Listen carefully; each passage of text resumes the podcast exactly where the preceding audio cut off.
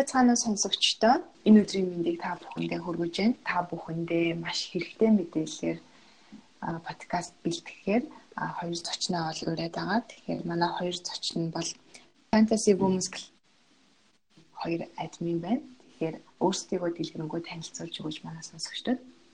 За сайн байцгаана уу? Юуны өмнө одоо энэ удаагийн дугаартаа бит хоёрыг урьж оролцуулж байгаа. Наманда маш их баярлалаа. Бас энэ подкастыг сонсож байгаа ээжүүд, эмэгтэйчүүдтэй бас энэ өдрийн мэндийг хүргье гэж бодож байна. За тэгээ намайг болохоор Ануучин гэдэг. Намайг Туул гэдэг. Би болохоор Монголдо одоо хамгийн анх тагч стандарт шаардлага бүрэн хангасан фантаси 18 нэмэлт гэдэг юм насан туршилтын дэлгүүрийг бол өдөртөө ажиллуулж явуулдаг. Аа тэгээд одоо манай компани нь бол хамгийн анх 1997 онд бол анхны салбараа ажиллуулж одоо үүнээс хойш тийм тасралтгүй 22 жил бол үйл ажиллагаа үргэлжлүүлээ авч явж байгаа. За энэ бүх хугацаанд болохоор одоо тархлал хомсдолын өвчин уйдаах тий бэлгийн зам халдварт өвчин хүсээгүй жирэмслэлтэй сэргийлэх за тэгээд хөгжлийн бэрхшээлтэй болон ганц бие хүмүүсийн одоо бие физиологийн одоо хэрэгцээг хангах зорилгоор ийм эрүүл мэндийн чанар стандартад бүрэн нийцсэн олон улсын одоо сертификаттай бараа бүтээгдэхүүнүүдийг бол оруулж ирж импортлж мөн одоо төрөл бүрийн бэлгийн үйл ажиллагаа сайжруулах багаж хэрэгсэл эмчилгээний болон гоо сайхны бүтээгдэхүүнүүдийг борлуулдаг байгаа. За мөн одоо Китаерийн хувьд гэх юм бол Оросын албаны улс одоо мэрэгжлийн сексологч чиглэлээр сураад тэндээсээ сертификат одоо аваад ирсэн. Үүнийхээ дагуу одоо гэр бүл гэр бүлийн одоо нандаа харилцааны талаар тулгамцсан асуудлын талаар эмэгтэйчүүдтэй зөвлөгөө мэдээлэл хуваалцдаг байгаа.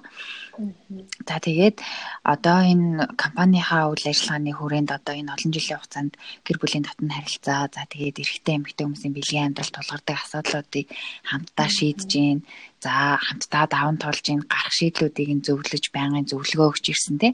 Тэгээд тэгвэл нэг ялангуяа одоо бид нар одоо яг эмэгтэйчүүдийн дунд тулгардаг том асуудал болох тэгээд дуур тавилт бэлгийн амьдралаас хэрхэн таашаалах вэ? Харьцаагаа хэрхэн шинэлэг сонирхолтой байлгах вэ? За яаж анхны шигэ байх вэ? Гэдэг талаар одоо мэдээллийг тэр болгон аваад ич чаддгүй. Харин үүнээс болоод одоо гэр бүл гадуур харилцаа за энэ гэр бүл салалт гэдэг байгаа бол зүгээр маш их байх шүү дээ тий. За энэ дээр толгуурлаад нийгмийн хамгийн жижиг нэгж болох одоо үндсөөр нь болж байгаа гэр бүлийг бат одоо бүх байлгах уул суурийг нь батхын тулд энэ хөө фэнтези хүмүүс клубыг одоо эмгтээчүүдийн хаалтай группийг хөтлөн явуулж явуулж байна. За манай групп байна болохоор 2018 оны 2 дугаар сарын 28-нд анх үйл ажиллагаа нээж эхэлсэн. Одоо тасралтгүй үйл ажиллагаа явуулаад жил гарсан болж байна. Тэгэхээр бас яг манай ээжүүд, эмэгтэйчүүд гэж магадгүй. Яагаад энэ сэдвэр хийх болсон бэ гэхээр ер нь хүн бол гэлгээж яриад гэлээ хосуудын хоорондын дотн харилцаа гэдэг маань өөрөө хамгийн том хамгийн чухал асуудал гэдэг дээ тий. Хин хин энэ харилцаанд сэтгэл хангалуун таашаалтай эсвэл хилэн далангуй байх хэрэгтэй юм а гэдгийг ойлгуулахын тулд энэ дугаарыг хийж бэлтгэж байгаа. Тэгээ дээрэс нь а тхийн тулд яах ёстой вэ гэдэг зөвлөгөөг бол хоёроосоо бол авах гээд байгаа шүү дээ тий. Эмэгтэйчүүд бас ихэнх нь мэдэж магадгүй Fantasy Women's Club гэдэг Facebook-ийн групп За хэрвээ мэдэхгүй байвал энэ групп руу зочилж ороорой гэж хэлмээрэн тэгээд а одоо яг энэ группийг ажиллуулж эхлснээс хойш одоо энэ өнгөрсөн хугацаанд ажиллаад хахад асуудын дотн харилцаанд яг тулгардаг гол асуудал нь юу байсан тэдгээрийн одоо шийдлүүд нь юу байдаг талаар хэлээд бидэнтэй хуваалцаж байна. Аха. За хэлгүй яах вэ? За ерөнхийдөө болвол ер нь ажиллаулж эхэлснээс хойш группэд маань бол маш олон одоо нэргүү пост хандлтууд маш хэрдэг зөвлөгөө өгсөн. За өдөр тутамд болвол одоо ийм асуудал байна, тийм асуудал байна, яаж шийдэх үү, ямар гарц гаргалгаа байна ч гэдэг юм уу? Маш олон асуудлууд ирдэг. За энэ бүгдийг ингээ нэгтгээд ингээд хараад үзэх юм бол хамгийн их одоо анхаарал татдаг нийтлэг асуудлуудын нэг бол а ерөөсөө л одоо хэрхэн одоо хайртай хүнтэйгээ нөхөртөөгөө нээлттэй харилцаж чаддаг болох вэ гэж хөвчлэн асуудаг. Яаж одоо анхны гişгээ тийм анх одоо уулзаж учирч үрхэж эхэлсэн шигээ тийм гал халуун байдлаа одоо хүртэл авч чадах авч одоо эргүүлээ авчрах вэ гэдэг юм уу тийм. За одоо хадгалж явах вэ гэдгээ одоо асуудаг. За хоёрдугаар болохоор ер нь бол дур тавилт гэж яг одоо юу юм бэ те эмгтэй хүн дур тавьж одоо яаж дур тавьдгийг, дур тавилт таашаал гэдгийг яаж авах хэрэгтэй байдгийг За тэр байтугай бүр дур тайлт гэдэг зүйлийг огт одоо 10 20 жил амьдэрсэн хэрнээ мэдрээгүй. А тэгсээр нэ одоо ингээд бэлгийн харьцаанд ордог, хүүхдтэй болчихсон ингээд амьдарч идэг ийм эмэгтэйчүүд хүртэл байдаг байхгүй. За тэгээд одоо мөн дараачийн нэг тулгамдж байгаа асуудал гэхлээр ерөөсөө бэлгийн боловсрал гэж бид нар ярьдаг штэ тий. Одоо дотны харилцаанд дотны харилцаанд ороход юу анхаарах хэрэгтэй байдгийг, а юу хэрэглэх ёстой байдгийг За тэгэл эрүүл ахуйн бөгөөд одоо халдвар хамгаалал яаж хамгаалах ёстой юм. За тэгэл даалдгой сайхны арчилгаа бид өдөр тутамдаа бол гадуурх те хувцас нүүр гэх мэтчлийн ил харагддаг хэсгүүдтэй анхаарал тавиад идэг боловч яг нөгөө нэг харагддгүй хэсгийнхаа арчилгаа тордлогоо тэр бүх зүйлийн талтай нэлээд хаалттай учраас мэдээлэл авч чаддаггүй. Тэгэхээр энэ бүх асуудлууд дээр бид нар болохоор төвлөрсөн зөвлөгөө мэдээллийг олвол цаг алдалгүй хүргэж а бас хоорондоо одоо гişүүд маань бид нар хоорондоо мэддэг чаддаг зүйлсээ хуваалцаж шийдлүүдийг олж авдаг байгаа. Тийм тэгээд саяны юм дээр бол ерөнхийдөө миний ярьсан энэ гурван асуудал бол байнга гол орж ирдэг гэсэн үг. Харилцаагаа за хин хиндээ таашаалтай те илүү гоё болгохын тулд яах ёстой юм бол энгийн одоо алхмуудаас нэхлээд манай ээжүүдэд зөвлөгөө өгөөч. Аа За нин төрөнд гэдэг юм бол одоо манай эмэгтэйчүүд маань санаачлагыг гартаа аваад ер нь хөртөөгөө маш их ярилцаад юм нээлттэй байж сурах хэрэгтэй. За одоо э, эмэгтэйчүүд маань бол ингэдэг л дээ. Би яагаад одоо эмэгтэй хүн байж ич заавал би төрүүлж хэлэх хэвтэй. Би яагаад тэр бэлгийн амьдралынхаа тал дээр би санаачлаг гарах хэвтэй. Чи эрэгтэй хүн юм байгаа зү тэ. Би дур тавьж чадахгүй байхад эрэгтэй хүн л дур одоо тавьчаад ингээд болох хэвээр зүйл шиг яагаад ингээд хандаад байгаа юм бол гэсэн одоо тийм хандлагаар эмгтээчүүд маань бол маш их ханддаг. За тэгвэл одоо эсвэл одоо зарим эмэгтэйчүүд манай нөхөр аявих ажилтай байдгаа ядраад орой гэртээ ирдэг. За ийм бага үед нь би бас ингээд зовоогоод ингээд шаналгаад байх шаналгаад байж одоо яах яах вэ? Одоо тийм шалтгаануудыг маш их хэлдэг. За тэгвэл а одоо бас эсвэл санаачлахтай эмгтээчүүд маань намайг одоо ингээ гаж донтойгээ ботчих үвдээ тий. Илдэв хачин юм хүсдэг. Ямар чи ямарсан сони ингээл нөхөр чинь ингээл ч юм уу өмнө нь тэгж үзчихсэн ч юм уу гэдэг тийм асуултуудыг аяг тавьдаг гэдэг л да. Тэгэхээр энэ талаар гоё ярилцаад а дээрэс нь бол эмгтэн хүн бол яг нэг өдөр зориглоод өөрөө өөрийнхөө одоо хүссэн дүрийг гаргаад тий өөрөө өөртөө одоо нөхөртөө бэлэг барих хүссэн бүх зүйлээ бол нээх хэрэгтэй. За дараагийн асуудал маань бол нөхрийнхөө юу хүсдэг талаар одоо мэдээж ярилцах хэрэгтэй. За тэгээ магадгүй одоо жишээлбэл нөхөр чинь романтик ч юм уу эсвэл хэрцгий харилцаа хүсдэгч байхыг одоо үүсэхгүй. Тэгэхээр одоо эрэгтэй хүн одоо хичнээн хүсэж байсан ч одоо нөхрийгөө одоо дургуутч одоо байна гэдэг ингээд ам нээж чаддаггүй. За эсрэгээр гэх юм бол нөхөртэй нь одоо маш их санаачлахтай байх юм бол эхнэр нь бол бас ингээд санаа зовх юм уу эсвэл зүр дургуутсах юм шинж тэмдгүүд илэрснээрээ энэ хоёрын хооронд ингээд ярилцах одоо боломж нь ингээд таагдаад байдаг гэсэн. За тэгээд одоо эрэгтэй эмэгтэй хүнд одоо юм аль алинд нэм секс фантаз байдаг л да. Одоо тийм болохоор ерөнхийдөө нөгөө нэг ярилцаж чадахгүй байгаа зүйлээ яах вэ гэхлээрээ а биенээсээ санаа зовхгүйгээр одоо нэг арга байдаг тэр нь одоо ямар арга вэ гэхлээр цаас гаргаад хэрвээ үнэхээр нээлттэй чадахгүй бол цаас гаргаад тэр цаасаа цаасан дээрээ одоо өөрийнхөө сексийн үеэр бэлгийн харьцаанд орох үеэр хүсдэг зүйлээ болон хүсдэггүй зүйлээ чагсааж бичих хэрэгтэй байгаа. Тэгэхээр ингээ хосууд маань хоорондоо өөдөөдөөсөө харц сууж агаад цаас гаргаад за хараа одоо хоёлаа нэг ийм сонин даалгавар хийж гэдэг юм уу те. Өнгөтлээ одоо миний хүсдэг зүйл болон өөрийнхөө хүсдэггүй зүйлийг ч ихсаагаад бичээ эргүүлээд хоёлаа цаасаа солилцоод уншийгээд тэгээ тэрэн дээр ингээ өөрийнхөө яг одоо хүсээд идэх хиймээр идэх зүйлээ болон дургу зүйлээ бичээд нөхөрчин ч бас адилхан бичээд ингээ эргүүлээ цаасаа солилцоод ингээ унших юм бол бас нөгөө нэг цаашдаа ингээ нээлттэй одоо ярилцах тэр анхны одоо алхам болж өгнө гэсэн үг. А эсвэл болвол одоо яг бэлгийн харьцаанд ороод дуусныхаа дараа ч юм уу одоо нөгөө нэг ингээд нэг ярилцах тохиромж бүрдсэн үе байдэн шүү дээ тий. Яг тийм үе дээр нь хоорондоо гоё хоёулахнаа байж захта нээлттэй ярилцах ч юм уу. Одоо ер нь эмгтэй хүн л өөрөө эхлээд нэгдүгээр санаачлагыг гартаа авч чадах юм бол нээлттэй байдлыг одоо үүсгэж чадна гэсэн үг. За одоо мөн дараа нь болохоор шин содон тийм зүйлсүүдийг туршиж одоо санаа зовлгоор туршиж үзэх хэрэгтэй. Энэ нь бол ерөөсөө өмнө нь туршиж байгаагүй а хийх идэхтэй хүсдэг одоо зүйлсээ болвол хийж туршиж үзэж би эндээ сюрприз байх нь бол татн харьцааг бас илүү хоорондын харилцааг татн болгох маш том хөшүүрэг болж өгдөг байгаа хоорноо одоо ингээд илэнлэнгүй байх хэрэгтэй гэдэг хүн болгон мэддэг шүү дээ тий. Тэгсэн юм яг нэг юм хэрэгжүүлж чадахгүй гэрвшээд ч гэдэм үү хичээд ингээд яваал гэдэг. Тэгвэл яг одоо илэн тал асуудыг харилцаанд ямар уу талуудыг авчирдаг вэ? Аа. За ерөнхийдөө илэн далангуу байснараа ерөөсөө л нөгөө нэг би энд итгэх итгэл маань илүү нэмэгдэж эхэлж байдаг тийм хоорондын хоорондоо илүү одоо өдөр тутамдаа шин мэдрэмж биендээ өгч чаддаг гэсэн үг. Аа яг л нэгэн хэмнэлтэд ингээл биенээсээ ичиж санаа зовоол ингээл дотгошоогоо байгаа тусмаа ерөнхийдөө харилцаа хөндөрөөл тэр бүх одоо боддог сандаг зүйлсээ найз нөхдөд ч юм уу өөр илүү нэг нэгэнд ярих. Энэ нь бол ингээ харилцааг улам л хүндий хоосон болох хоорондоо үүсгэж идэг гэсэн. Тэгэхээр илүү нээлттэй байж чаддаг хосуудын хувьд бол илүү хоорондын харилцаа нь илүү дотносог одоо илүү нэг хоорондоо нээлттэй тэгээд дээрэс нь одоо энэ гэр бүл салал гэр бүлийн гадуур харилцаа ч гэдэг юм уу те энэ бүх сөрөг үр дагавруудаас болвол сэргийлж чадах хамгийн том үндэс суурь болж өгдөг. Ер нь аль тэгэл нээлттэй хосуудыг хараад байхад судалгааг хараад байхад а ерөөсөө л хам одоо гэр бүлийг илүү бат бөх амьдарч байгаа тэр хүмүүс маань илүү нээлттэй хосууд байж байдаг харагддаг шүү дээ. Тийм нөгөө нэг юун дээр бас хэлсэнчлэн одоо юу юу туршиж үзэх вэ ингийн алхмууд гэдгийгсэн шүү дээ. Тэрэн дээр бас нэг зарим хэдийн нэг мартчихлаа. Болохоор бас би биенийхээ хүсэл сонирхлыг олж мэдэх хэрэгтэй гэдэг тул админаа сайн хэлсэн.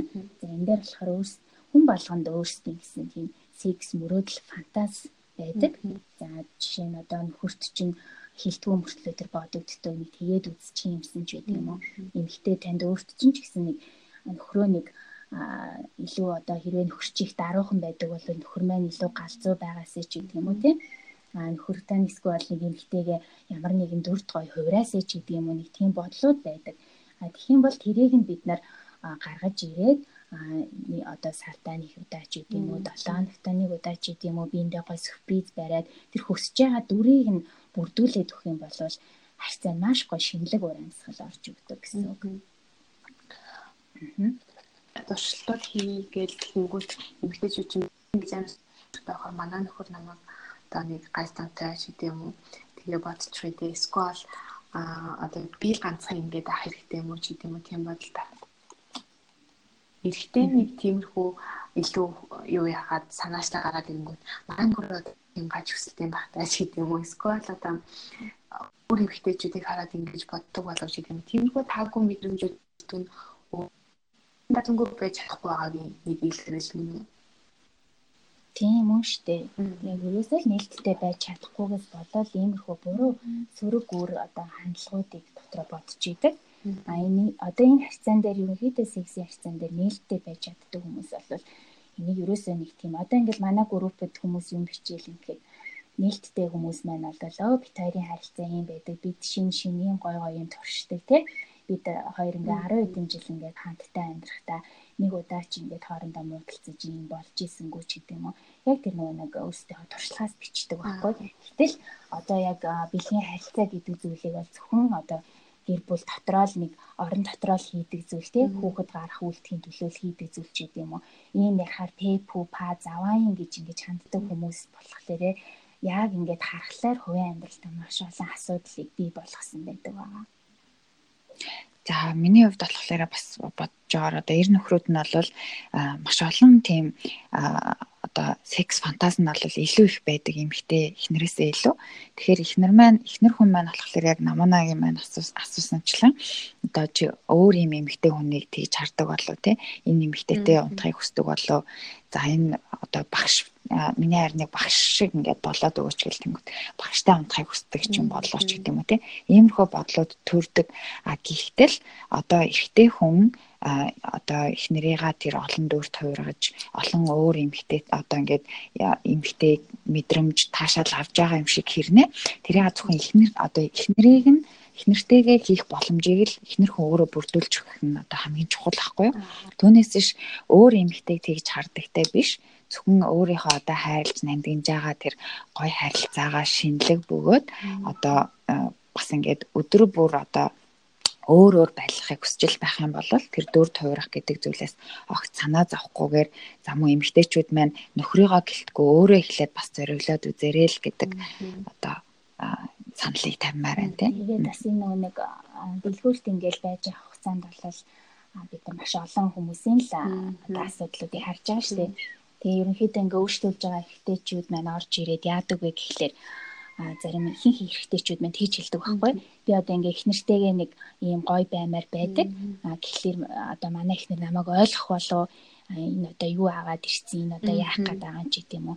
Ингээ буруу ойлгох болов ч гэдэм үү. Тийм талаас ханддаг хүмүүс байна а орж ирж байгаа ихэнх хэрэгтэйчүүд маань илүү өөрийгөө гоё байлгахаас илүү эмгтэйгээ эхнэр хүнийгээ яаж гоё байлгах вэ тэр дэлхийн харьцаанаас яаж таашаал өгч чадах вэ? Дур яа дур яаж хануулж чадах вэ гэдэг талаас одоо асуусан тийм зөвлөмжүүд бүтээгдэхүүнүүдийг маш их асууж орж ирдэг. За бас зарим эрэгтэй нэг юм зэглэмээр зүйл бол нэг хүн орж ирээд би одоо их нэртэйгээ маш олон гой сонин зүйлийг туршихыг хүсдэг. Гэвч манай ихнэр дургуутдаг. Ийм учраас би одоо өөрөө ирэхгүй өөр хүнтэй ийм хөзөл туршиж гинэ ч гэдэм үү те. Энэ нь болохоор би өөрөө нөгөө эмхтэй хүн болохоор бас айгүй эмзэглэмээр санагдчихсан байхгүй юу те. Тийм болохоор л ерөөсөө энэ зүйл дээр нээлттэй ярилцаж тэр зүйлээс муухай заваа одоо муухай бэлэр сэдв гэсэн энэ одоо хаалттай бодлыг бид нар нээж өгөх хэрэгтэй.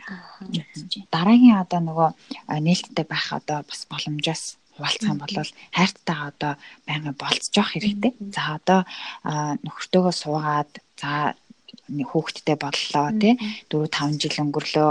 За нөгөө анхны шигэ болзоонд явдаг дахин одоо догдолж гоёж гардаг цаг үеуд аль хэзээ өнгөрсөн байдаг. Тэгэхээр эмэгтэйчүүд бид гэр бүлийнхаа ажил те өөрийн хувийн ажил ажил хүүхд чухтаас болоод ингээд өөрийгөө умартдаг. За тэгвэл ядаж одоо эр нөхөртөө цаг гаргаад за 7 хоногт за байгээ нэг сардаа ганц удаа ч юм уу те нөхөртөөгөө заавал болзоонд явна. За ингэхдээ бол яг анхны шигээ одоо гоёдог ч юм уу те төлөвлөгөө гаргаад за тухайн өдрөө бүр ингээд буудлын өрөө захиалаад зөвхөн хоёулахнаа ингээд байх боломжийг бүрдүүлээд за эсвэл хөөхтүүдээ хавьжид нь харуулдаг ч юм уу тийм эмээ өвөд нь харуулад ингээд яг зөвхөн өөртөө өөртөд нь ингээд байж болох хамгийн одоо тийм ямар гэх юм бэ тухлаг орчинг бүрдүүлээд тэгээд энэ орчиндоо бол хайрттайгаа ярилцах, шинийг туршиж үзэх ийм зүйлийг одоо ядаж сардаа нэг удаа гаргаснараа бол илүү харилцаа чинь бол халуун дутаа тутан нээлттэй болно. За тэгээд тэр тухайн үедээ ч гэсэндээ бас одоо ихнэр хүн маань өөрийгөө яг охин шиг мэдрээд те залуу халуухан анх танилж исэн үе шиг одоо мэдрээд өндөр өсгийтэй хутлаа өмсөөд уруулаа ланаар будаад те гоё таашин заа өмсөөд ингээ гарахад бол эмэгтэй хүний сэтгэл хүртэл маш их сэрэгдэг. Тэрийг нь хараад одоо ер нөхөд дахин одоо тэр эмэгтэй хүнийг хайрлах сэтгэл нь ч гэсэндээ одоо ингээд улам илүү ундарч идэг гэсэн. Эмэгтэйчүүд маань бас ер нь тэгдэг штеп чи намайг ерөөсө болзоонд өрхөө байжлаа чи надад гадуур явахаа болчлаа гэж тэгээд идэг те. Гэтэ бас яг өөрөө яг энийг санаачлах хэрэгтэй мэн ингээд эргэжтэйчүүдээсээ хий ингээд хүлээл хүсгэх хэрэггүй мэн гэж ер нь хэлээд байна тий. Тийм ер нь бол санаачлахыг гартаа аваад ер нь бол өөрөө өөрийгөө хайрлаад өөрөө өөрийгөө үнэлүүлсэн юм хтэй хүн л одоо бусдаар хайрлуулах тэр сайхан юу тавигддаг гэсэн үг. Тэгэхээр хүнд ихлээ сайхан өгөөд сур. Тэгэхээр эргүүлээд болвол өгч чаддаг. Одоо ингээд манай нөхөр бол ерөөсөө мэдрэмжгүй хөлдөө юм шиг намайг одоо намайг л яахгүй бол ерөөсөө ингэдэггүй гэсэн юм хтэйчүүд одоо ийм хүнийг яах вэ гэдэг тэгээ би болохоор ингээд харан дургу өрөөд би одоо бүр хайцдаг ч юм чи тийм үү тий иймэрхүү хилдэг. Гэхдээ хамаагүй чи нөхөртөө өгөөл бай өгөөл бай. Нэг л өдөр эргүүлээд одоо хүн бол юм бодчих л байгаа эргүүлээ чам бэлэг барьдаг болно. Чи тэр хүртэл нөгөөг гэж хэлдэг байхгүй. А тэгээд яг тэр хүмүүсийн юунаас эргүүлээд ханддаг юу гэж ханддаг гэхлээр ерөөсөө нөгөө яадгүй хүн чинь одоо надад бүр цэцэг бариад ороод идлээ шүү ч гэдэг юм уу тийм. Аа тийм нөгөө хөөрхөн жижиг жижиг санаачлаг хүртэл гаргаж ирдэг. Тэгээд тэр үед нь эрэгтэй хүнийг айгүй гоё магтаж өгсөй. Тэгэхгүй өө нөгөөний цэцэг барьд хүн чи яагаад бариад ороод ирсэн чи гэдэг юм уу тийм ингээл айгүй урмын мохоогоод ч юм уу ийм байдлаар хандах юм бол эрэгтэй хүн дахиж эхнэрээ баярлуулах тийм сэтэл төрдөггүй. Тэгэхээр баярлуулж байгаа тохиолдолд нь чин сэтгэлээсээ магтаж урам өгч байж чадах юм бол ихтэй хүн урамшиж чаддаг. За би намаанаас нэг зүйл асууч. Намаанаа маань өөрөө нөхрийгөө нэг удаа болзоонд ураад өөрөө яг тэр болцоогоо зохион байгуулад ч юм уу нэг өдөр санаачлагыг гартаа аваад ингээд зүгээр л миний хайр хүрээ дээр харин бүх зүйлийг бэлтгэсэн байгаа гэдэг юм зүйлийг хийж үзэж байсан уу гэж асуух гээд. Би яг тгийж яг болцоо одоо бүх ингээд юмудаа зохиолж үзээгүй. Гэтэ манай нөхөр битэр өөртөө айгу нээлттэй. Тэгээд ингээд болцлогоо унцаараа шууд өөртөө хэлээл хоёлын ингэцээ тэгчээ гэл заагаал тэгээд юм да хамт ингээд явцдаг байхгүй юу. Тэгэхээр энэ надад авах юм болоо. Арин штэ ер нь хоёр манаас нээлттэй байж чадчихсан гэсэн тийм. Бас нэг одоо гоё шинэлэг халуунт нь байлгах юм бол ерөөсөө нэг гинтийн юм гэж байдаг тийм. Гинтийн бие биенийгаа баярлуулах. За тэр нь их тийм амар одоо том зүйл байх та биш. За одоо жишээлбэл намаа намаа өнөөдөр төхрөөгөө эрэхтэй гоё гэртээ бүүдгэр орчин бүрдүүлсэн тий гоёлаа асаацсан ширээн дээрээ вайн тавьсан байлаа гэж бодъё. За тэгэхээр заавал гадуур болзоод ах шаардлага байхгүй. Орой нөхөр нөхөртэй гоё хоол бэлтцсэн. Хоолоо хоолыг одоо идээд сууж явах хоорондоо гоё ажлынхан талаар ярилцдаг ч юм уу те нөхрөө магтах ч юм уу за вайна хувааж уучаад за хоёлаа сайхан амраач гэдэг юм уу яг нэг тиймэрхүү гой гой орчнуудыг бас бүрдүүлж өгснөөрөө тэр нь бол одоо эмгтээчүүдийн зүгээс гаргаж чадах бас хамгийн гой том болзоо бас байж чадах болно гэж зөвлөмөр байна. Тэгэл ер нь адил хосоод ингээл бэлгийн харьцаан талаас ярих юм бол нэг л одоо өрөөндөө нэг л орон дээр ич гэдэг юм уу тий нэг хөвшмөл маягтай ингэж хийдэг. Энэ тэр орчныг хүртэл солиод гэр дотроо ч гэсэн өөр өөрөө өөр одоо юунд боломжийг бүрдүүлж гинтийн тийм маягтай одоо бэлгийн харьцаанд орох нь хүртэл тийм цаанаасаа бүр нөгөө адреналин гэдэг гормоныг маш ихээр ялгаруулж идэг. Хамтдаа болцоод гадуур явж байхдаа ч гэсэн гинтийн тийм секс бас уриалах юм бол энэ бол эрэгтэй хүн бүр амар том сюрприз болж чаддаг гэсэн. Тэгэхээр ер нь ол нэг иймэрхүү зүйлийг ганц бие хүмүүс ч юм уу эсвэл нэг нууц амаргийн хүрээнд л одоо ийм зүйл хийх боломжтой гэж боддог тийм ойлголт байж болохгүй. Эхнэр хүн ч гэсэн яагаад тийм гал халуун тий гал зөө гинтийн байж яагаад байж болохгүй гэж тэх юм бол бас эрэгтэй хүн одоо тийм цаашаа өөр зүйл сонирхох тийм зүйлийг төрүүлэхгүйгээр эхнэрээсээ маш олон талын гоё зүйлийг олж харж чаддаг болно л гэсэн үг байна. За одоо илүү яг эмэгтэйчүүдэд хандаад асуулт асууя л да. А эмэгтэйчүүдийн нэгээс 4% нь л одоо дуур тавьж таашаал авч чаддгаа гэж би уншиж байсан байхгүй юу? Энэ үнэн үү хэрэг үнэн бол яагаад дуур тавьж чаддгүй юм бол шалтгаан нь юу? Аа. За юу байгаа? Аа ерөнхийдөө бол аа судалгаан дээрээс харахад болохоор 100% одоо нэг 20-аас 25% эмэгтэйчүүд маань л дур тавьж чаддаг байгаа гэсэн үг. Сексэс бүрэн таашаал авч чадна. Үлдсэн 70-аас 75% нь бол ерөөсөө дур тавьж үзээгүй, мэдрээгүй юм эмэгтэйчүүд байдаг. За тэгэхээр энэ одоо яг ямар ямар шалтгаантай байна вэ гэхэлэр а юу байгаа? А нэгдүгээр болохоор ерөөсөө л өтрээний булчингийн сулралтай холбоотой байгаа.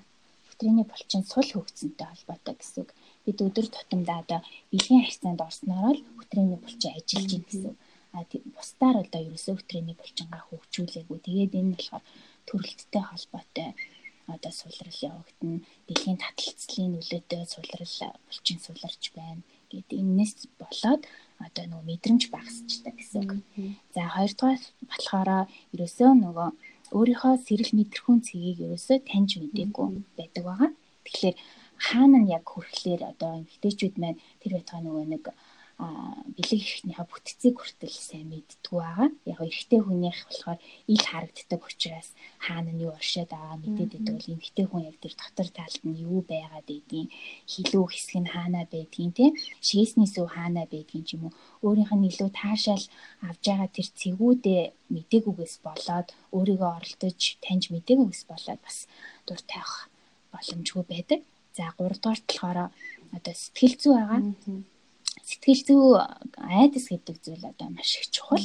Тэгэхээр а ер нь бол дур тавилт маань анх дахь юм хоёр дахь хүчин зүйлүүдээс болоод дур тавьж чаддгүй эмэгтэйчүүд байдаг. За анх дахь гэдэг маань юу гэлээд байна. Тэгэхээр ерөөсөө л анх бэлгийн харьцаанд орсноос хойш одоо хүртэл дур тавьж үзээгүй эмэгтэйчүүдэд хэлнэ. А хоёр дахь чидэг маань өмнө нь тавьж чаддаг байгаад за ямар нэг даавар гормоны одоо тэнцвэртэй байдал алдагдсанаас болоод ч юм уу эсвэл болвол одоо төрөлттэй холбоотой байдлаас болоод ч юм уу ямар нэг хүчин зүйлсээс болоод мэдрэмж нь буураад дур тавьж чадахгүй болчихсон юм эмэгтэйчүүд байдаг. Тэгэхээр а одоо анхандаа гэдэг нь яагаад тийм байна гэхлээр анхдагч хүчин зүйлүүд бол одоо эхлээд бэлгийн харьцаанд орохдоо маш их өвдөлтийг авчихсан тийм тэрнээсээ ямар нэгэн айдас хуримтлагдсан бүр дур тавилт гэдэг зүйл ингээд юу байдгийг ш төсөөлөхөд одоо төсөөлж чаддгүй тийм эмэгтэйчүүд байдаг. А мөн одоо энэ сэтгэл зүйдээр ярих юм бол эмэгтэйчүүд маш олон зүйлийг дотроо ингээд олон зүйлд анхаарлаа хандуулдгаас болоо яг эхийн харьцаанд орох үедээ бас секс дээр төвлөрч чаддгүйгээсээ болоод дур тавьж чаддгүй байгаа. За мөн дараачийн зүйл бол эрэгтэй эмэгтэй хүний ялгаатай байдал байдаг байгаа. За ялгаатай байдал гэдэг дээр болохоор ерөнхийдөө эрэгтэй хүн бол маш хурдан давж чаддаг хугацааны хувьд ярил л да. А ер нь бол эрэгтэй хүн 5-аас 10 минут тэр байтугай 20-оос 3 минутанд дур одоо хандах боломжтой байдаг. Гэтэл эмэгтэй хүний дур тавилтын хугацаа гэдэг бол 20-оос 25 минутын дараа одоо дур тавилтыг мэдрэх бүрэн боломжтой болдог гэсэн. Тэгэхээр ингээд яг бэлгийн харьцаанд оронхоор эрэгтэй хүн ингээл бид нар ингээл өдөөгдөөл өдөөгдөөл яа ингээл болох гээд ирэнгүүт эрэгтэй хүн тавьчдаг эмэгтэй хүн тавьж чадахгүй үлдчихдэг тийм энээсээ болоод ерөөсөө дур ханд чаддгүй тэгэхээр бид нар энэний тулд яах ёстой вэ гэхээр нөө оршил хийдэг зүйл юм хэлсэн. Харьцаанд орохоос өмнө биеэ бэлтэж оршил хэсгийг өдөөгдөж биеэ бүр бэлдснийхаа дараа харьцаанд орох бол дур тавих боломжтой болдог гэсэн. За мөн дараа чи нэг том шалтгаан бол хуур ашилт байгаа одоо чийг сайн ялгархгүй хуурай шилд явагдаж гиснээрээ бэлгийн харьцаанаас таашаал авахгүй өвдөлт хорсолт мэдрэх тийм их мэтчлэн зүйлээс болоод одоо дур тавих боломжгүй байдаг. За тэгэхээр одоо дур тавьж чадаж чаддгүй эмэгтэйчүүдийн талаар хэдэл ярилцж байгаа болохоор за дур тавьж чаддгүй эмэгтэйчүүдэд бол маш их олон сөрөг нөлөөлөл бие физиологийн хувьд бол учирч идэг л да. За дээрэс нь гэх юм бол одоо өөртөө ихтгэлгүй байдал нь одоо нэмэгдэж за хөвшрөлт хөвшрөлт хурдан явагдана цэвэршилт нь одоо бас эртээ явагдана тий. Тэгээ тэгвэл одоо дур тавьж чаддаг эмэгтэйчүүд одоо юугаараа даваа талтай юм бэ гэхээр дур тавилт гэдэг бол өөрөө зүгээр рефлекс аахгүй юу? Хүн одоо өдөр тутамдаа ингээ хийдэг зүйлээ бодохгүйгээр хийж ийна гэдэг чинь энэ бол зуршил. А тэгэхээр дур тавь одоо бэлгийн харьцаанд орж байгаа үедээ дур тавилтыг рефлекс болгосноор ерөөсөө юм бодохгүйгээр яг хэрэгтэй юм шиг адилхан бэлгийн харьцаанд орох болгондоо дур тавих мэдрэмжийг авч болдог. Үнийг л рефлекс гэж хэлээд байгаа. За одоо дур тавилтын эмэгтэй хүн мэдэрснээр бол одоо яг аз жаргалын гормон болох эндорфин гэдэг гормон байдаг тийм тэрийг мэдэх бах. Эндорфин бол маш ихээр ялгарснаар л ерөөсөө эмэгтэй хүнийг залуулаг, цоглог, өөдрөг юм байлгах одоо тэр орчин нөхцөлийг нь л бүрдүүлж гин гэсэн. Тэгэхээр эмэгтэй хүн бол өөрөө дур тавилтгүйгээр энэ хорвоод одоо амьдрна гэдэг бол байж болшгүй зүйл юм аа. Аха өөрөө сая яг хэлсэн нөө рефлекс болгох гэж ярьж байгаа тийм яаж одоо эрэгтэй хүн шиг харилцаанд орох бүртээ дур тавьдаг болох вэ? Аа. За энэ дээр бол маш олон одоо алхмууд байна. За би нэг цохос цохос дурдаад таydтай бас ойлгомжтой байхаар тайлбарлах гад бэлдсэн байна. За эхний үед бол мэдээж бие барилгүй чөлөөтэй нээлттэй байж сурах. За энэ маань юу гэсэн үг гэхээр эмгтээчүүд маань одоо яг харьцаанд орж байгаа үедээ за миний энэ хариу ингээ харагдаж байгаа болоо тий миний гид зунжсан байгаа болоо за эсвэл одоо яг байрлалын хувьд гэх юм бол эмэгтэй дээрээ байгаа үед бол намайг ингээд харж байгаа болоо тий би ямар харагдаж байгаа бол миний нүүр би нүрэ бодаагүй ямар харагдаж байгаа болч гэдэг юм уу ийм зүйлд ингээд санаа зовсноороо нөгөө додуур тавих одоо тавилтын минутыг нь л удаашруулад байна гэсэн За түрүүн хоёрын ярьсан одоо яг нөгөө дур тавилт эрэгтэй эмэгтэй хүмүүсийн ялгаан дээр бол нөгөө эмэгтэй хүн болохоор яг ширмэн плетик гэж ярьдаг. Эрэгтэй хүн болохоор яг газан билетик. А ягаад тэгэхээр ерөөсөө шууд аслаа халчдаг те газан билетик нь эрэгтэй хүн тэгээ дур тавьчлаа. За эмэгтэй хүн байна болохоор орчлон маш удаан явж агаад а тэгээд дур тавилт мэдрэх юм бол арай жоохон хугацааны удаан гэж ярьсан те. Тэгэхээр энэ зүйл дээр болол нээлттэй байж өөрийгөө нөгөө нэг ялан дээлж зөвхөн л эр нөхөр чинь одоо тухайн харьцаанд орж байгаа үед бол эзээч өөрөө чинь биеийг те харвинг чинь нүрийг нүур будсан байна уу будаагүй байна уу гэдэг зүйлд анхаарлаа төвлөрүүлдэг. Тэгэхээр илүү нээлттэй байгаарай гэж зөвлөж байна.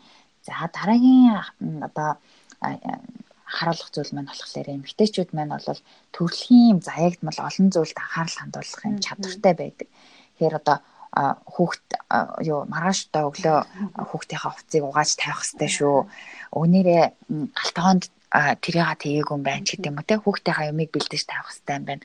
Өө нөхрийнхаа тэр хувцсыг угаагүй юм байна. Оймсаа яанаач гэдэг юм уу те. Тэгэл янз бүрийн юмнууд толгоонд нь орж ирээд идэг. Тэгэхээр энэ бодол нь энэ нь болохоор анхаарлыг сарниулаад нөгөө л дур тавих минутыг нь бүр холдуулаад ахлаа ахяал эхлээд юм гэсэн. Одоо анхаарал сарних болгоно. Тэгэхээр одоо анхаарлаа төвлөрөл сурах. За яагаад энэ нь одоо ялгаатай байдаг вэ гэхээр эрэгтэй хүн болвол нөгөө нэг яг тухайн зүйлдээ хийж байгаа зүйл дээрс 100% анхаарлаа төвлөрүүлээд зөвхөн одоо тэр дур тавилтын талаар одоо бодоод тий тэр тавилтыг бодсноор л илүү хурдан тавьчихж байгаа байхгүй. Тэгэхээр одоо энэ нь олон удаагийн давтамжтай байснараа эрэгтэй хүний хувьд бол рефлекс болсон. Харьцаанд орлоо 7-аас 15 минутын хугацаанд бол заавал дур тавьчихдаг. А эмэгтэйчүүд бид болохоор нөгөө л өөр зүйлээ бодоод дахиж минутаа ингээл хэсгсээр байгаа л анханасаа эхлээд ин гэсэн үг байгаа тийм. За тэгээд дараагийн одоо бас гол зүйл маань болохоор эмэгтэйчүүд маань бол бас өөрсдийнхөө яг тэр халуухан цэг болох одоо дурд хандах цэгүүдийг одоо олж мэдэх хэрэгтэй. За энэ энэ талаар бол одоо За ер нь бол түүний хилээд байсан нөгөө шалтгаанууд дээр өөрийгөө таньж мэдээгүй гэд хэлсэн шүү дээ. Тэгэхээр нэгдүгээр тал өөрийгөө сайн таньж мэдэх хэрэгтэй. Тэгэхээр та өөрийгөө хилүүгээрээ тавьдаг байна уу эсвэл хүтрээгээрээ тавьдаг юм уу? Яг хаан чин тэм мэдрэмж төрөөд нэгдээ олж мэдэх хэрэгтэй.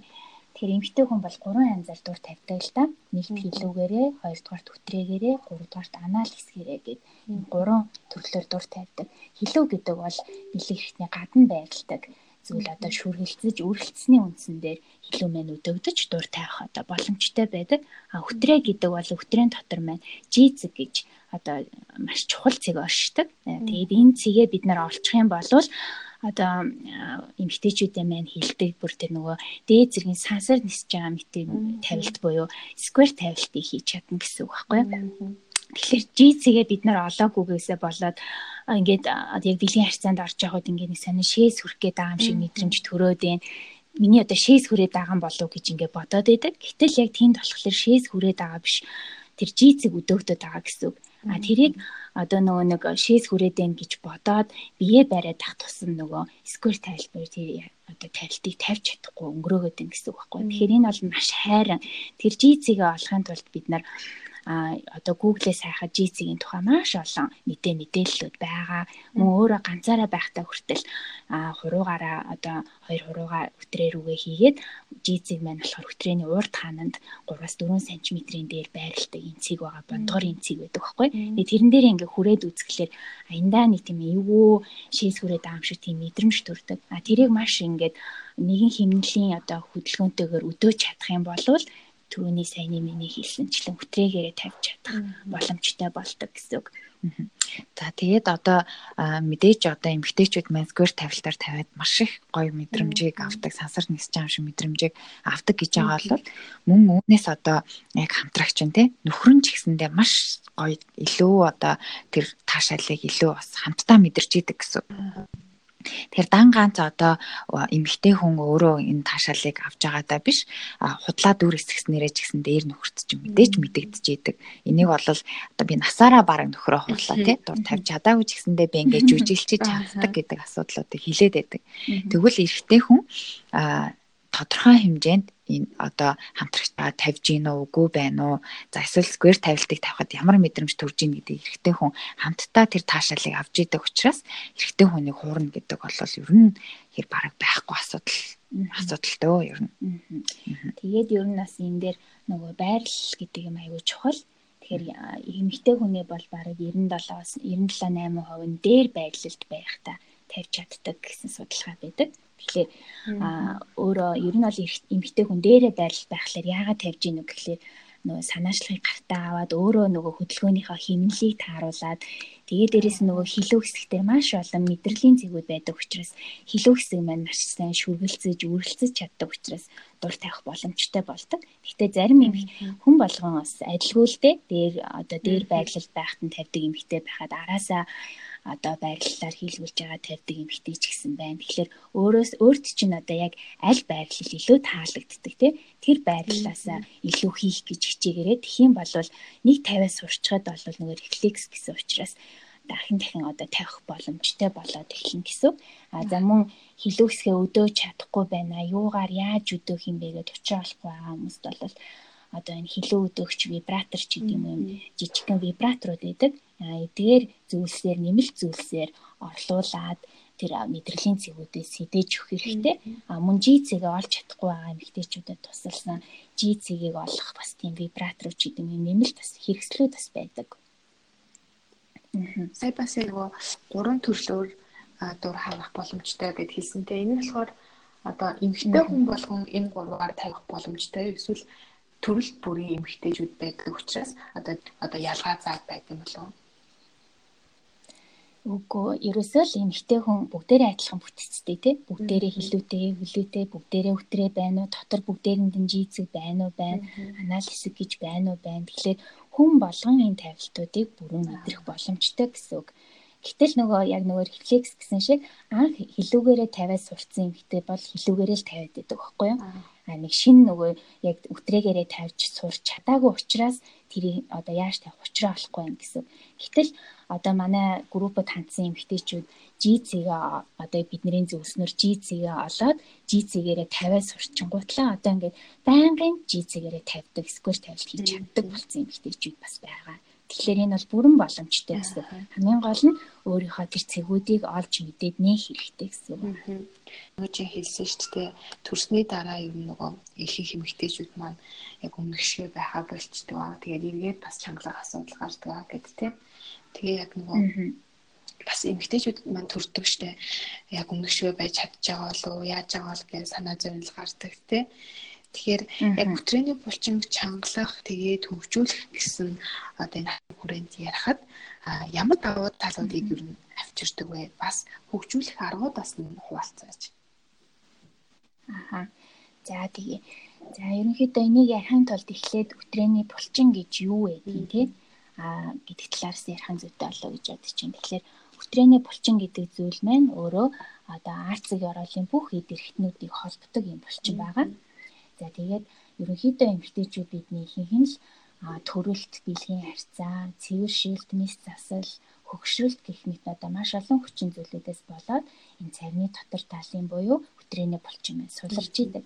А энэ өтрээний булчин суларснаар яадаг вэ гэхлээрэ одоо нөгөө нэг бидний сав умай гэх мэт өндгөвч гэх мэт энэ бүх эд эрхтнийг холбож байгаа энэ булчин сулрахаар одоо энэ сав умай хүртэл доошоо унжиж эхэлдэг, давсаг хүртэл унжиж эхэлдэг.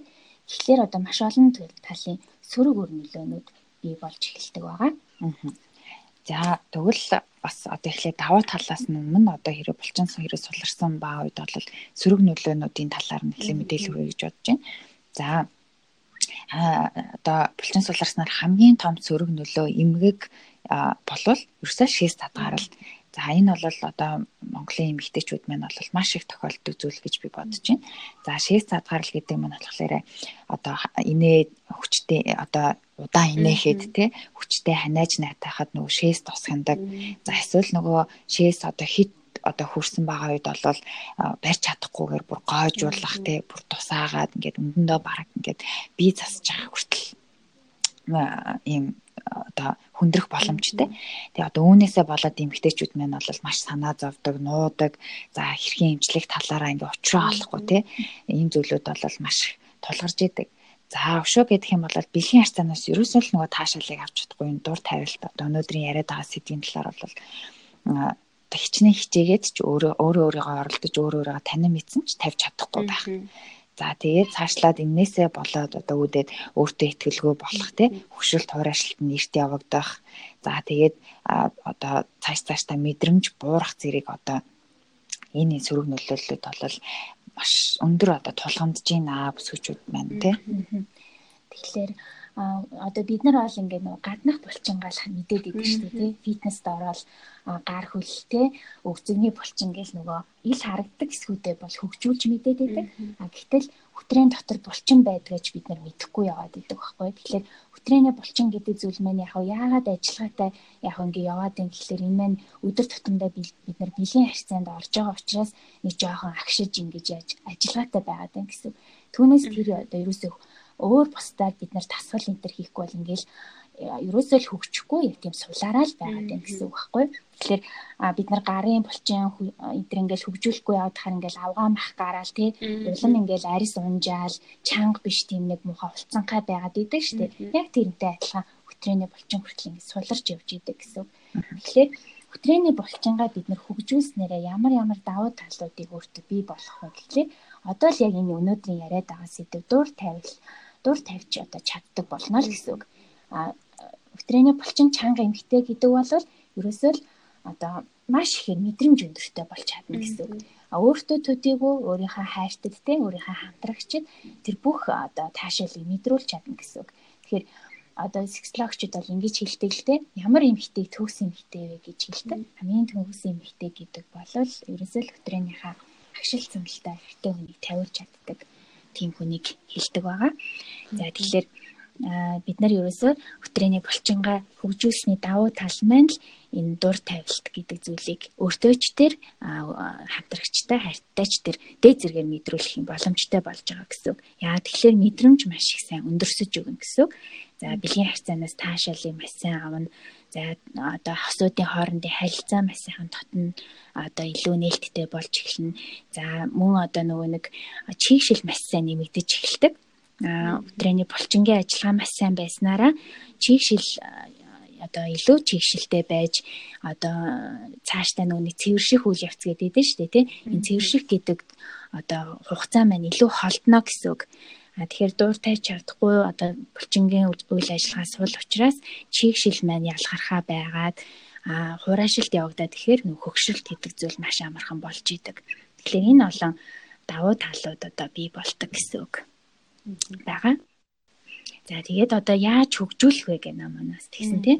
Тэгэхээр одоо ярьснаар хөтрээний чинь булчин учраас булчин бол ерөөсөө л тасгалын тусламжтай л одоо чангарч чаддаг хөгжиж чаддаг гэсэн үг. Элдв янзын тос ч юм уу, элдв янзын гээл төрхлөг байдаг юм уу, эсвэл ямар нэгэн юм хийгээд, эсвэл ямар нэг аппаратанд ч юм уу ороод өтрээний булчин хөгжин гэсэн юм байхгүй. Энэ яадаг вэхээр ерөөсөө л тасгалын тусламжтай хөгжин гэсэн үг байгаа. Тэгэхээр а одоо Таиландд эмэгтэйчүүд бол бүр ийм шоу үзүүлбэрүүд үзүүлдэг байгаа. Тэгэхээр яадаг вэ гэхээр зөвхөн одоо хөтрээний булчингаараа одоо хүнд маш усч байд юм уу те? Хүнд зүйлүүдийг өргөх хүнд зүйлийг хэн хол шидэх байж байд юм уу? Хөтрээний булчингаараа тэр байтугай лаа унтрааж унтраах өвлэж унтраах за тэгэл юм аягтай усыг ингээд соруулаар сороод буцаагаад аяганд нь соруулаар нь хийх гэх мэт одоо булчингаа тэгж амар хөгжүүлсэн байдаг. Энэ яаж хөгжүүлсэн бэ гэхээр ерөөсө тасгалын тусламжтай хөгждөг тэгэхээр туулаад нэмэн одоо яаж хөгжүүлэх талаар бас яриул За одоо интернетээс үзээд ингээд кегл дасгалын талаар үзэх юм бол маш олон дасгалууд байдаг.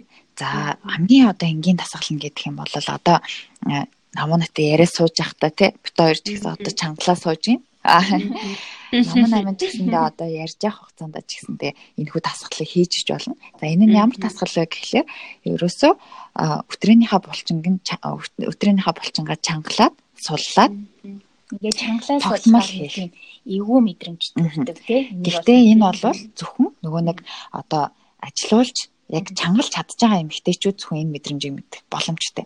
Харин эмэгтэйчүүд маань болохоор одоо ингээд ийм тасгал байдаг гэх тэнгүүд өөрөө одоо зөв хийж байгаа нь мэддэхгүй, буруу хийж байгаа нь мэддэхгүй. За өгзөгнийхөө булчинтай цуг чангалаад идэх ч юм уу тий. За одоо энэ цавныхаа булчингаар цуг ингээд базаад идэг. За ингэж буруу хийснээрээ ямар ч үр дүнгүй дээрэс нь одоо өөрийн хувьд ч гэсэндээ бол хийд юм цаг гарцдаад байна гэсэн. А тэгэхээр а одоо зөв хийж чадж байгаа одоо бүсгүүчүүд маань бол яг одоо анууж админы хэлсэнчлэн ийм дур тавих гэж байгаа ч юм шиг те эсвэл ийм эвгүй ийм иржинсэн мэдрэмж мэдрэмж болол ингээд байнгын төрж идэг гэсэн. За тэгэхээр одоо хэрхэн өөрийгөө зөв буруу хийж байгаагаа мэдэх вэ тэгэхээр эрдэмтэд бол ерөөсөө одоо ингэж хийж чадахгүй байгаа, сурч чадахгүй байгаа, үр дүнгээ мэдрэхгүй байгаа бүсгүүчүүдэд зориулаад кегэл дасгалын бөмбөлийг гаргасан байгаа. За энэ кегэл дасгалын бөмбөлийг бөмбөлгийг одоо яагаад хэрэглэх ёстой вэ гэхээр одоо энэ нүтрээний булчингаа чангалж суллаж байгааг ерөөсөө кегэл дасгалын бөмбөлөгтэй бөмбөлөг хийснээр л мэдрэх боломжтой байдаг байхгүй. Яг нүтрээний булчингаа чангалж суллаж а одоо яг баз бөмбөлгөө базаж чадж гин үү чадахгүй байна уу яг хөтрээний орчим хэсгээ чангалж гин үү үгүй юу гэдгийг чинь гэдгийг одоо бас рефлекс болгож чадсанараа л хөтрээний булчин чангарж гин гэсэн. За кегл болын одоо тусламжтайгаар чангалсан чангалсны дараа өөрөө ч гэсэндээ одоо өдрийнхөө булчин өөрөө өөрийнхөө тусламжтай заавал бөмбөлгийн шаардлагагүйгээр өөрөө ингээд чангалаад суллаад ээж чадах тийм рефлексийг л тогтоож өгнө л гэсэн үг. Энэ кегэл тасгалын бөмбөлөг гэхлээр одоо юу юм болоо юу яриад байна гэж бас гайхчихж магадгүй тий. Тэгэхээр энэ бөмбөлгийнхаа талаар эхлээд хэлэх хэрэгтэй. Тэгэхээр кегэл тасгалын бөмбөлийг бол Европод анх бол зохион бүтээсэн. А одоо ер нь бол Герман тэгээд өндөр хөгжингүй энэ орнуудад болохоор ерөөсөө төрсний дараа эмэгтэйчүүд эмэгтэйчүүдтэй гин кегелийн тасгалын бөмбөлгийг л зөвлөдөг манай эмчнэр нь болохоор тэгэхээр а ер нь бол энэ кегелийн тасгал гэдэг зүйлийг кегел тасгалын бөмбөлөг маань хоёр дахин илүү үр дүнтэй болгож чаддаг гэсэн үг. А энэ бөмбөлөгт маань яадаг вэ гэхээр а энэ дотроо хүндрүүлэгч шарик байдаг. А тэр хүндрүүлэгч шарикны тусламжтай бид нар хүнд ерөнхийдөө айгу хүнд бөмбөлөг гэсэн үг байхгүй юу. Тэр хүнд бөмбөлгийг хөтрэндээ тампон шиг оруулаад хийлээ хүнд байгаа учраас өөрөө ирэхгүй доошоогоо гарах гад ингэдэг. А энийг бид нар базаад барьж чадсанараа булчин маань хөгжиж гэсэн. Бид нар фитнест ороод хүнд төмөр өргөөд одоо ингээд тасгал хийдэг те. Тэгэхээр бид нарын булчин хөгждөг шүү дээ. Яг тэрнтэй адилхан а кегелийн тасгалын бөмбөлөг гэдэг бол ерөөсөө хөтрөөний булчин тасгалжуулах юм төхөөрөмж гэсэн үг байхгүй. Тэгээд энэ маань болохоор нэгтэй хоёртой гэдэг юм хоёр янз байдаг. А нэгтэйг нь болохоор ерөнхийдөө төрөөгүй болон за нэгээс хоёр удаа төрсэн шээс задгаарл гэх түрүүний ярьсан тэр юмгыг илрээгүй байгаа эмэгтэйчүүд хэрэглэх тохиромжтой байдаг. Хоёртой бөмбөлийг болохоор шээс задгаарл одоо үүсчихсэн ханаж натайх үед тусаад гоожээд байгаа 3 болон түүнээс дээш хүүхд төрүүлсэн эмэгтэйчүүд маань хэрэгэлдэг. За ингээ 3 сар тасралтгүй энэ бөмбөлгөө өдөрт 2-оос 3 удаа 30-аас 40 минутаар ингээд хийгээд байхад нөгөө өөрийн ирэхгүй туулаад миний сая хэний хэлсэнчлэн рефлекс тогтоод Тэгээд бид нэг 3 сар хэрэглэсний дараа бүтрээ маань 98% үр дүнтэй чангарна гэсэн үг. Ингээд чангарчихлаар одоо бөмбөлгний тусламжгүйгээр бид нэр булчингаа тасгалжуулах одоо зуршилтай болчих чадна гэсэн үг байхгүй юу. Тэгэхээр дахиад заавал бөмбөлөг хэрэглээд байх шаардлагагүй болчихно гэсэн. Тэгэхээр одоо эмгтээчүүд маань нэг засал сонирхол байдаг те. Гэвч дахиж төрөх бас сонирхол байгаад байдаг. Эсвэл бол янз бүрийн нөгөө лазер аппарат ч гэдэм үү те ингээл маш олон юмнууд гарж ийн л та. Гэтэл тийм нөгөө лазер аппарат ч юм уу иймэрхүү аппаратууд болохоор доторхыг ерөнхийдөө тухайн үед нь хөөлгөөд бамбайлгаад түлж ингэж ивжилдэг. Тэгэхээр тэр нь ингээд бамбайцсан тэр доторх орчин чинь ерөнхийдөө бариомет мэдрэмж төрж байгаа л булчин учраас тэр чинь эргээл ингээд нөгөө бамбаалт нь ингээд буцаа гарлаа. Дахиад нөгөө сул орчин үсэж чинь гэсэн үг. Одоо нөгөө нэг вибратортай кегл болнод гэж зардаг шүү дээ. Тэд нар бол одоо битэрийн бүр ингээд зүгээр ингээ харах ханаар бодоод инээ түрээд идэг юм юм баггүй одоо хэдүүлээ ямар нэгэн вибратор аваад зүгээр гарн дээрээ тавиад боди биеттэй ч юм боди гартай ч юм уу те за цээжин дээрээ хүн дээрээ тавь сайхан гой том хөхтэй болчдөг ч юм уу те тэгэхээр тийм зүйл байдаг бол одоо дэлхийн бүх хүмүүс өөрийнхөө хүссэн бие галбартай маш сайхан биетэй байх бах гэж бодож байна. А тэнгуут яг өтрээний булчин болохоор зүгээр сайхан хөвтөж байгаа л тий. А одоо өтрийн дотор руугаа вибратор хийчихэл. За эсвэл нөгөө Phoenix Aprad гэж байдаг тий. Им тогн одоо физик хэмжлэгээний им хошуу хийчихэл. Тэгээл нөгөөх нь чангараал өстой барай болол ингээл им юм гिचхэдэж байхгүй. Тэрийг одоо бүсгүүчүүд маань бол бүр бүр нэн төрөнд ойлгоосэй л гэж хүсэж байна тий. Ер нь аль нөгөө Phoenix Saprat Enter гэл аягүй гарч байна. Phoenix Saprat-ын гол одоо давуу тал нь болохоор би өөрөөс Phoenix Saprat-анд орж үзсэн. А яадаг вэ гэхээр чигшлэг маш сайн нэмэгдүүлж өгдөг. Мэдрэмжээ дэвшлүүлнэ гэж ойлгож болно. Яагаад вэ гэхээр нөгөө тогны тусламжтай таны тэсийг цочээд сэргээж өгж байгаа учраас чигшил сайн нэмэгдэж мэдрэмж төрнө гэхээс булчин хөгжих гэсэн одоо тийм бас юу талаас арай тутмаг байдаг. Гэхдээ одоо кегл боолыг хамт хэрэглэнээрээ бол бас өдрний булчин чангалаад мэдрэмж нь илүү өндөр болно. Чийгшил нэмэгдэнэ. Оршуулж хэрэглэх юм бол булчин чангана. Зөвхөн одоо Phoenix аппарат ч гэдэг юм уу, лазер ч гэдэг юм уу те. Бус юмнуудаар бол одоо булчин чангарна гэдэг бол яг саяны те вибратор тавиад чангарч байгаатай л адилхан гэсэн үг. Тэгэхээр эмгтээчүүдэд ер нь зөвлөж хэлэхэд та төрөөгүй байсан ч бэлгийн харьцаанд орж исэн ч гэсэн өтрийний булчин сулралт явагдчихлаа гэсэн. А төрсний дараа бид нар 45 хоноод одоо ямар нэг ойдол хүндрэлгүй бол 45 хоноод хэрвээ ойдол хүндрэлтэй байх юм бол 2-оос 3 сарын дараа бид нэр шууд одоо нэг турах гэхээсээ илүүтэй өтрийнхаа булчингийн ажиллагаанд шууд анхаарах хэрэгтэй байгаа. Тэгэхээр бид нар төрсний дараа одоо харьцаанд ороход надад ямар агаа олоо гэж санаа зовдөг тийм. Бид нар төрөнгүүтээ энэ зүйлд анхаарал хандуулаад төрөнгүүтээ энэ хөгжүүлэлтээ хийгээд чадчих юм бол яг хэвийн байдалтай эргээд очих бүрэн боломжтой байдаг юм шүү гэдгийг бас дахин дахин хэлмээр байна. Аа. Түрүүн яг базах хэрэгтэй гэд хэлж байгаа шүү дээ. Тасгалын хувьд одоо ингээд олон ойр орох ингээд базаад байх хэрэгтэй. Ингээд нэг удаан хугацаагаар чанга барих хэрэгтэй юу? За тэр нь болохоор ерөнхийдөө бөмбөлгөө хийцэн байхдаа бид нэр хөнгөн хөдөлгөөнтэй байх хэрэгтэй байдаг байгаа. Бөмбөлгөө хийжээ зүгээр суугаад авахгүй. Бөмбөлгөө мэдрээд базаад нэгээс нэгээс 5 секундын хооронд тоолно гэсэн үг. 1 2 3 4 5 жоохон байрлаа. Буцаагаад 5 4 3 2 1 гэсэн хэмнэлээр буцаагаад одоо дээшээ шатран өгсөж байгаа мэт буулгах гэсэн үг байхгүй юу? Ингээ суллаа, дахиад базлаа, жоохон байрлаа, буцаагаа суллаа гэх мэтчлээ. За мөн одоо бөмбөлгөө хийцэн байхдаа өгцөгний тасгалууд байдаг. Тэр тасгалуудтай бас хоршуулад скват тасгалуудтай оршуулад гэх юм бол бас маш хурдан үр дүн гарч идэг. За зарим эмэгтэйчүүд маань фитнест явдаг эмэгтэйчүүд байдаг тийм За фитнес явдаг эмэгтэйчүүд бол бөмбөлгөө хэрэглээд бас фитнест явж болно. А бас фитнесийн одоо үзэгний тасгалуудтай бас хоршуулад төхөөрөмжтэй хийх юм бол маш бас хурдан үр дүн гардаг байгаа. За заавал бас одоо бөмбөлөг бөмбөлөгний одоо тусламжгүй үнэхээр одоо өөрөө өөрийнхөө булчинд мэдрээд хийж чадж байгаа эмэгтэйчүүд ах юм бол бас сууж байгаа үедээ тий алхаад явж байгаа үедээ ч юм уу магадгүй хүнтэй юм яриад зогсож байгаа үедээ ч гэсэндээ булчингаа одоо чангалт суллаад өөрөө мэдрээд ингээд энэ тасгалыг рефлекс олгох бас боломжтой. А тэгээд за үүний тулд бол бас яг мөн адилхан тасгалууд бол чангалт суллах. А гэхдээ одоо чангалахтаа эхлээд удаан тоолдог ч юм уу те тавихтаа хурдан ч гэдэг юм уу. Ийм байдлаар энэ давтамжуудыг нь өөрчлөлтнөр одоо иймэрхүү кегл тасгалуудыг болвол янз бүрээр хийж болдог байгаа. За ерөнхийдөө миний асуух асуулт маань бол ингээд дуусж байна. Тэгэхээр та хоёр маань бас подкастынхаа төгсгөлд дахиж хэлмээр санагдсан. Эсвэл ярианы явцдаа марцсан зүйл байвал одоо манайчүүдэд хэлж өгөөрэй. Аа за. За бит хоёр одоогоор бит хоёр одоо фэнтези хүмүүс клуб маань бол 2018 оны 2 сарын 28-нд бол анхны зүйл ажиллагаа явуулж байна. За энэ хугацаанд бол бас маш олон эмэгтэйчүүдийнхаа гэр бүлд нь хэрэгтэй мэдээллийг ч юм уу те хэрэгтэй зөвлөгөөг нь яг тухай бүрт нь хүргээд за бас гэр бүлийнх нь халаан тулан тутамдаа харьцааг бол сэргээсэн болоо гэж бас бодож байна. За тэгээд өнөөдрийн сэдвтэй холбогдуулаад одоо хэцүү эхлэхэд бол дур тавилтыг одоо эмэгтэйчүүд бид одоо мэдрэхгүйгээр мэдрэхгүйгээс болоод маш их стресс бухимдалтай тий тэгээ ирч хүчгүй гондоо өөртөө ихтгэлгүй байдал ингээ үүсэж байна. Тэгэл гэр бүлийн одоо секс амьдралыг шинэлэг итгэвтэй байлгаснаар эмэгтэйчүүд одоо бид дур тавьж ад жаргалын гормон болох эндорфиныг ялгаруулдаг. За ялгаруулдаг гэж түрүүнд хэлсэнчлээ.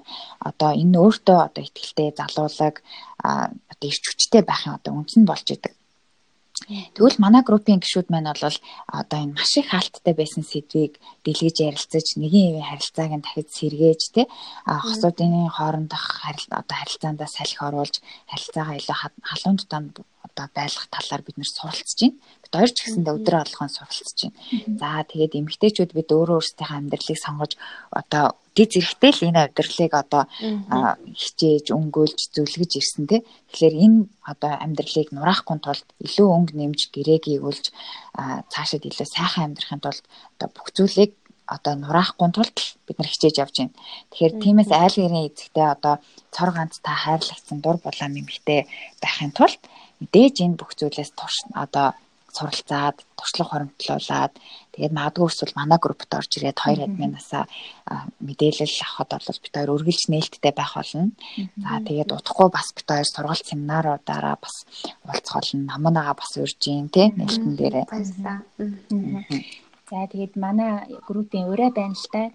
Цаар ганц хайрлагдсан эмэгтэй байхын төлөө гэсэн ураатай. Тэгэхээр хамгийн сүүлийн сайхан үгээрээ бас энэ ярилцлагаа дуусгая гэж бодож байна. Эмэгтэй та нөхөртэй цаар ганц хайрлагдсан тэр дур булаан эмэгтэй байж чадсан шүү. Үүнийхээ төлөө та эхлээд санаачлыг гартаа аваад нээлттэй байж сураарэ гэж хэлмээр байна. За та хоёртаа маш их баярлалаа. Цаг гаргаж миний ярилцлагыг хүлээж авч ярилцсанд. За баярлалаа. Манайгаа энэ сайхан тэ дугаартай бид хоёрыг урьж оролцуулсанд маш их баярлалаа. За маш их баярлалаа. За манай сонсогчд маань бас хэрэгтэй мэдээлэл авч чадсан гэж үнэхээр итгэлтэй байна. Тэгээд дараагийн дугаараараа ингээд уулзцгаая. Түр баяртай.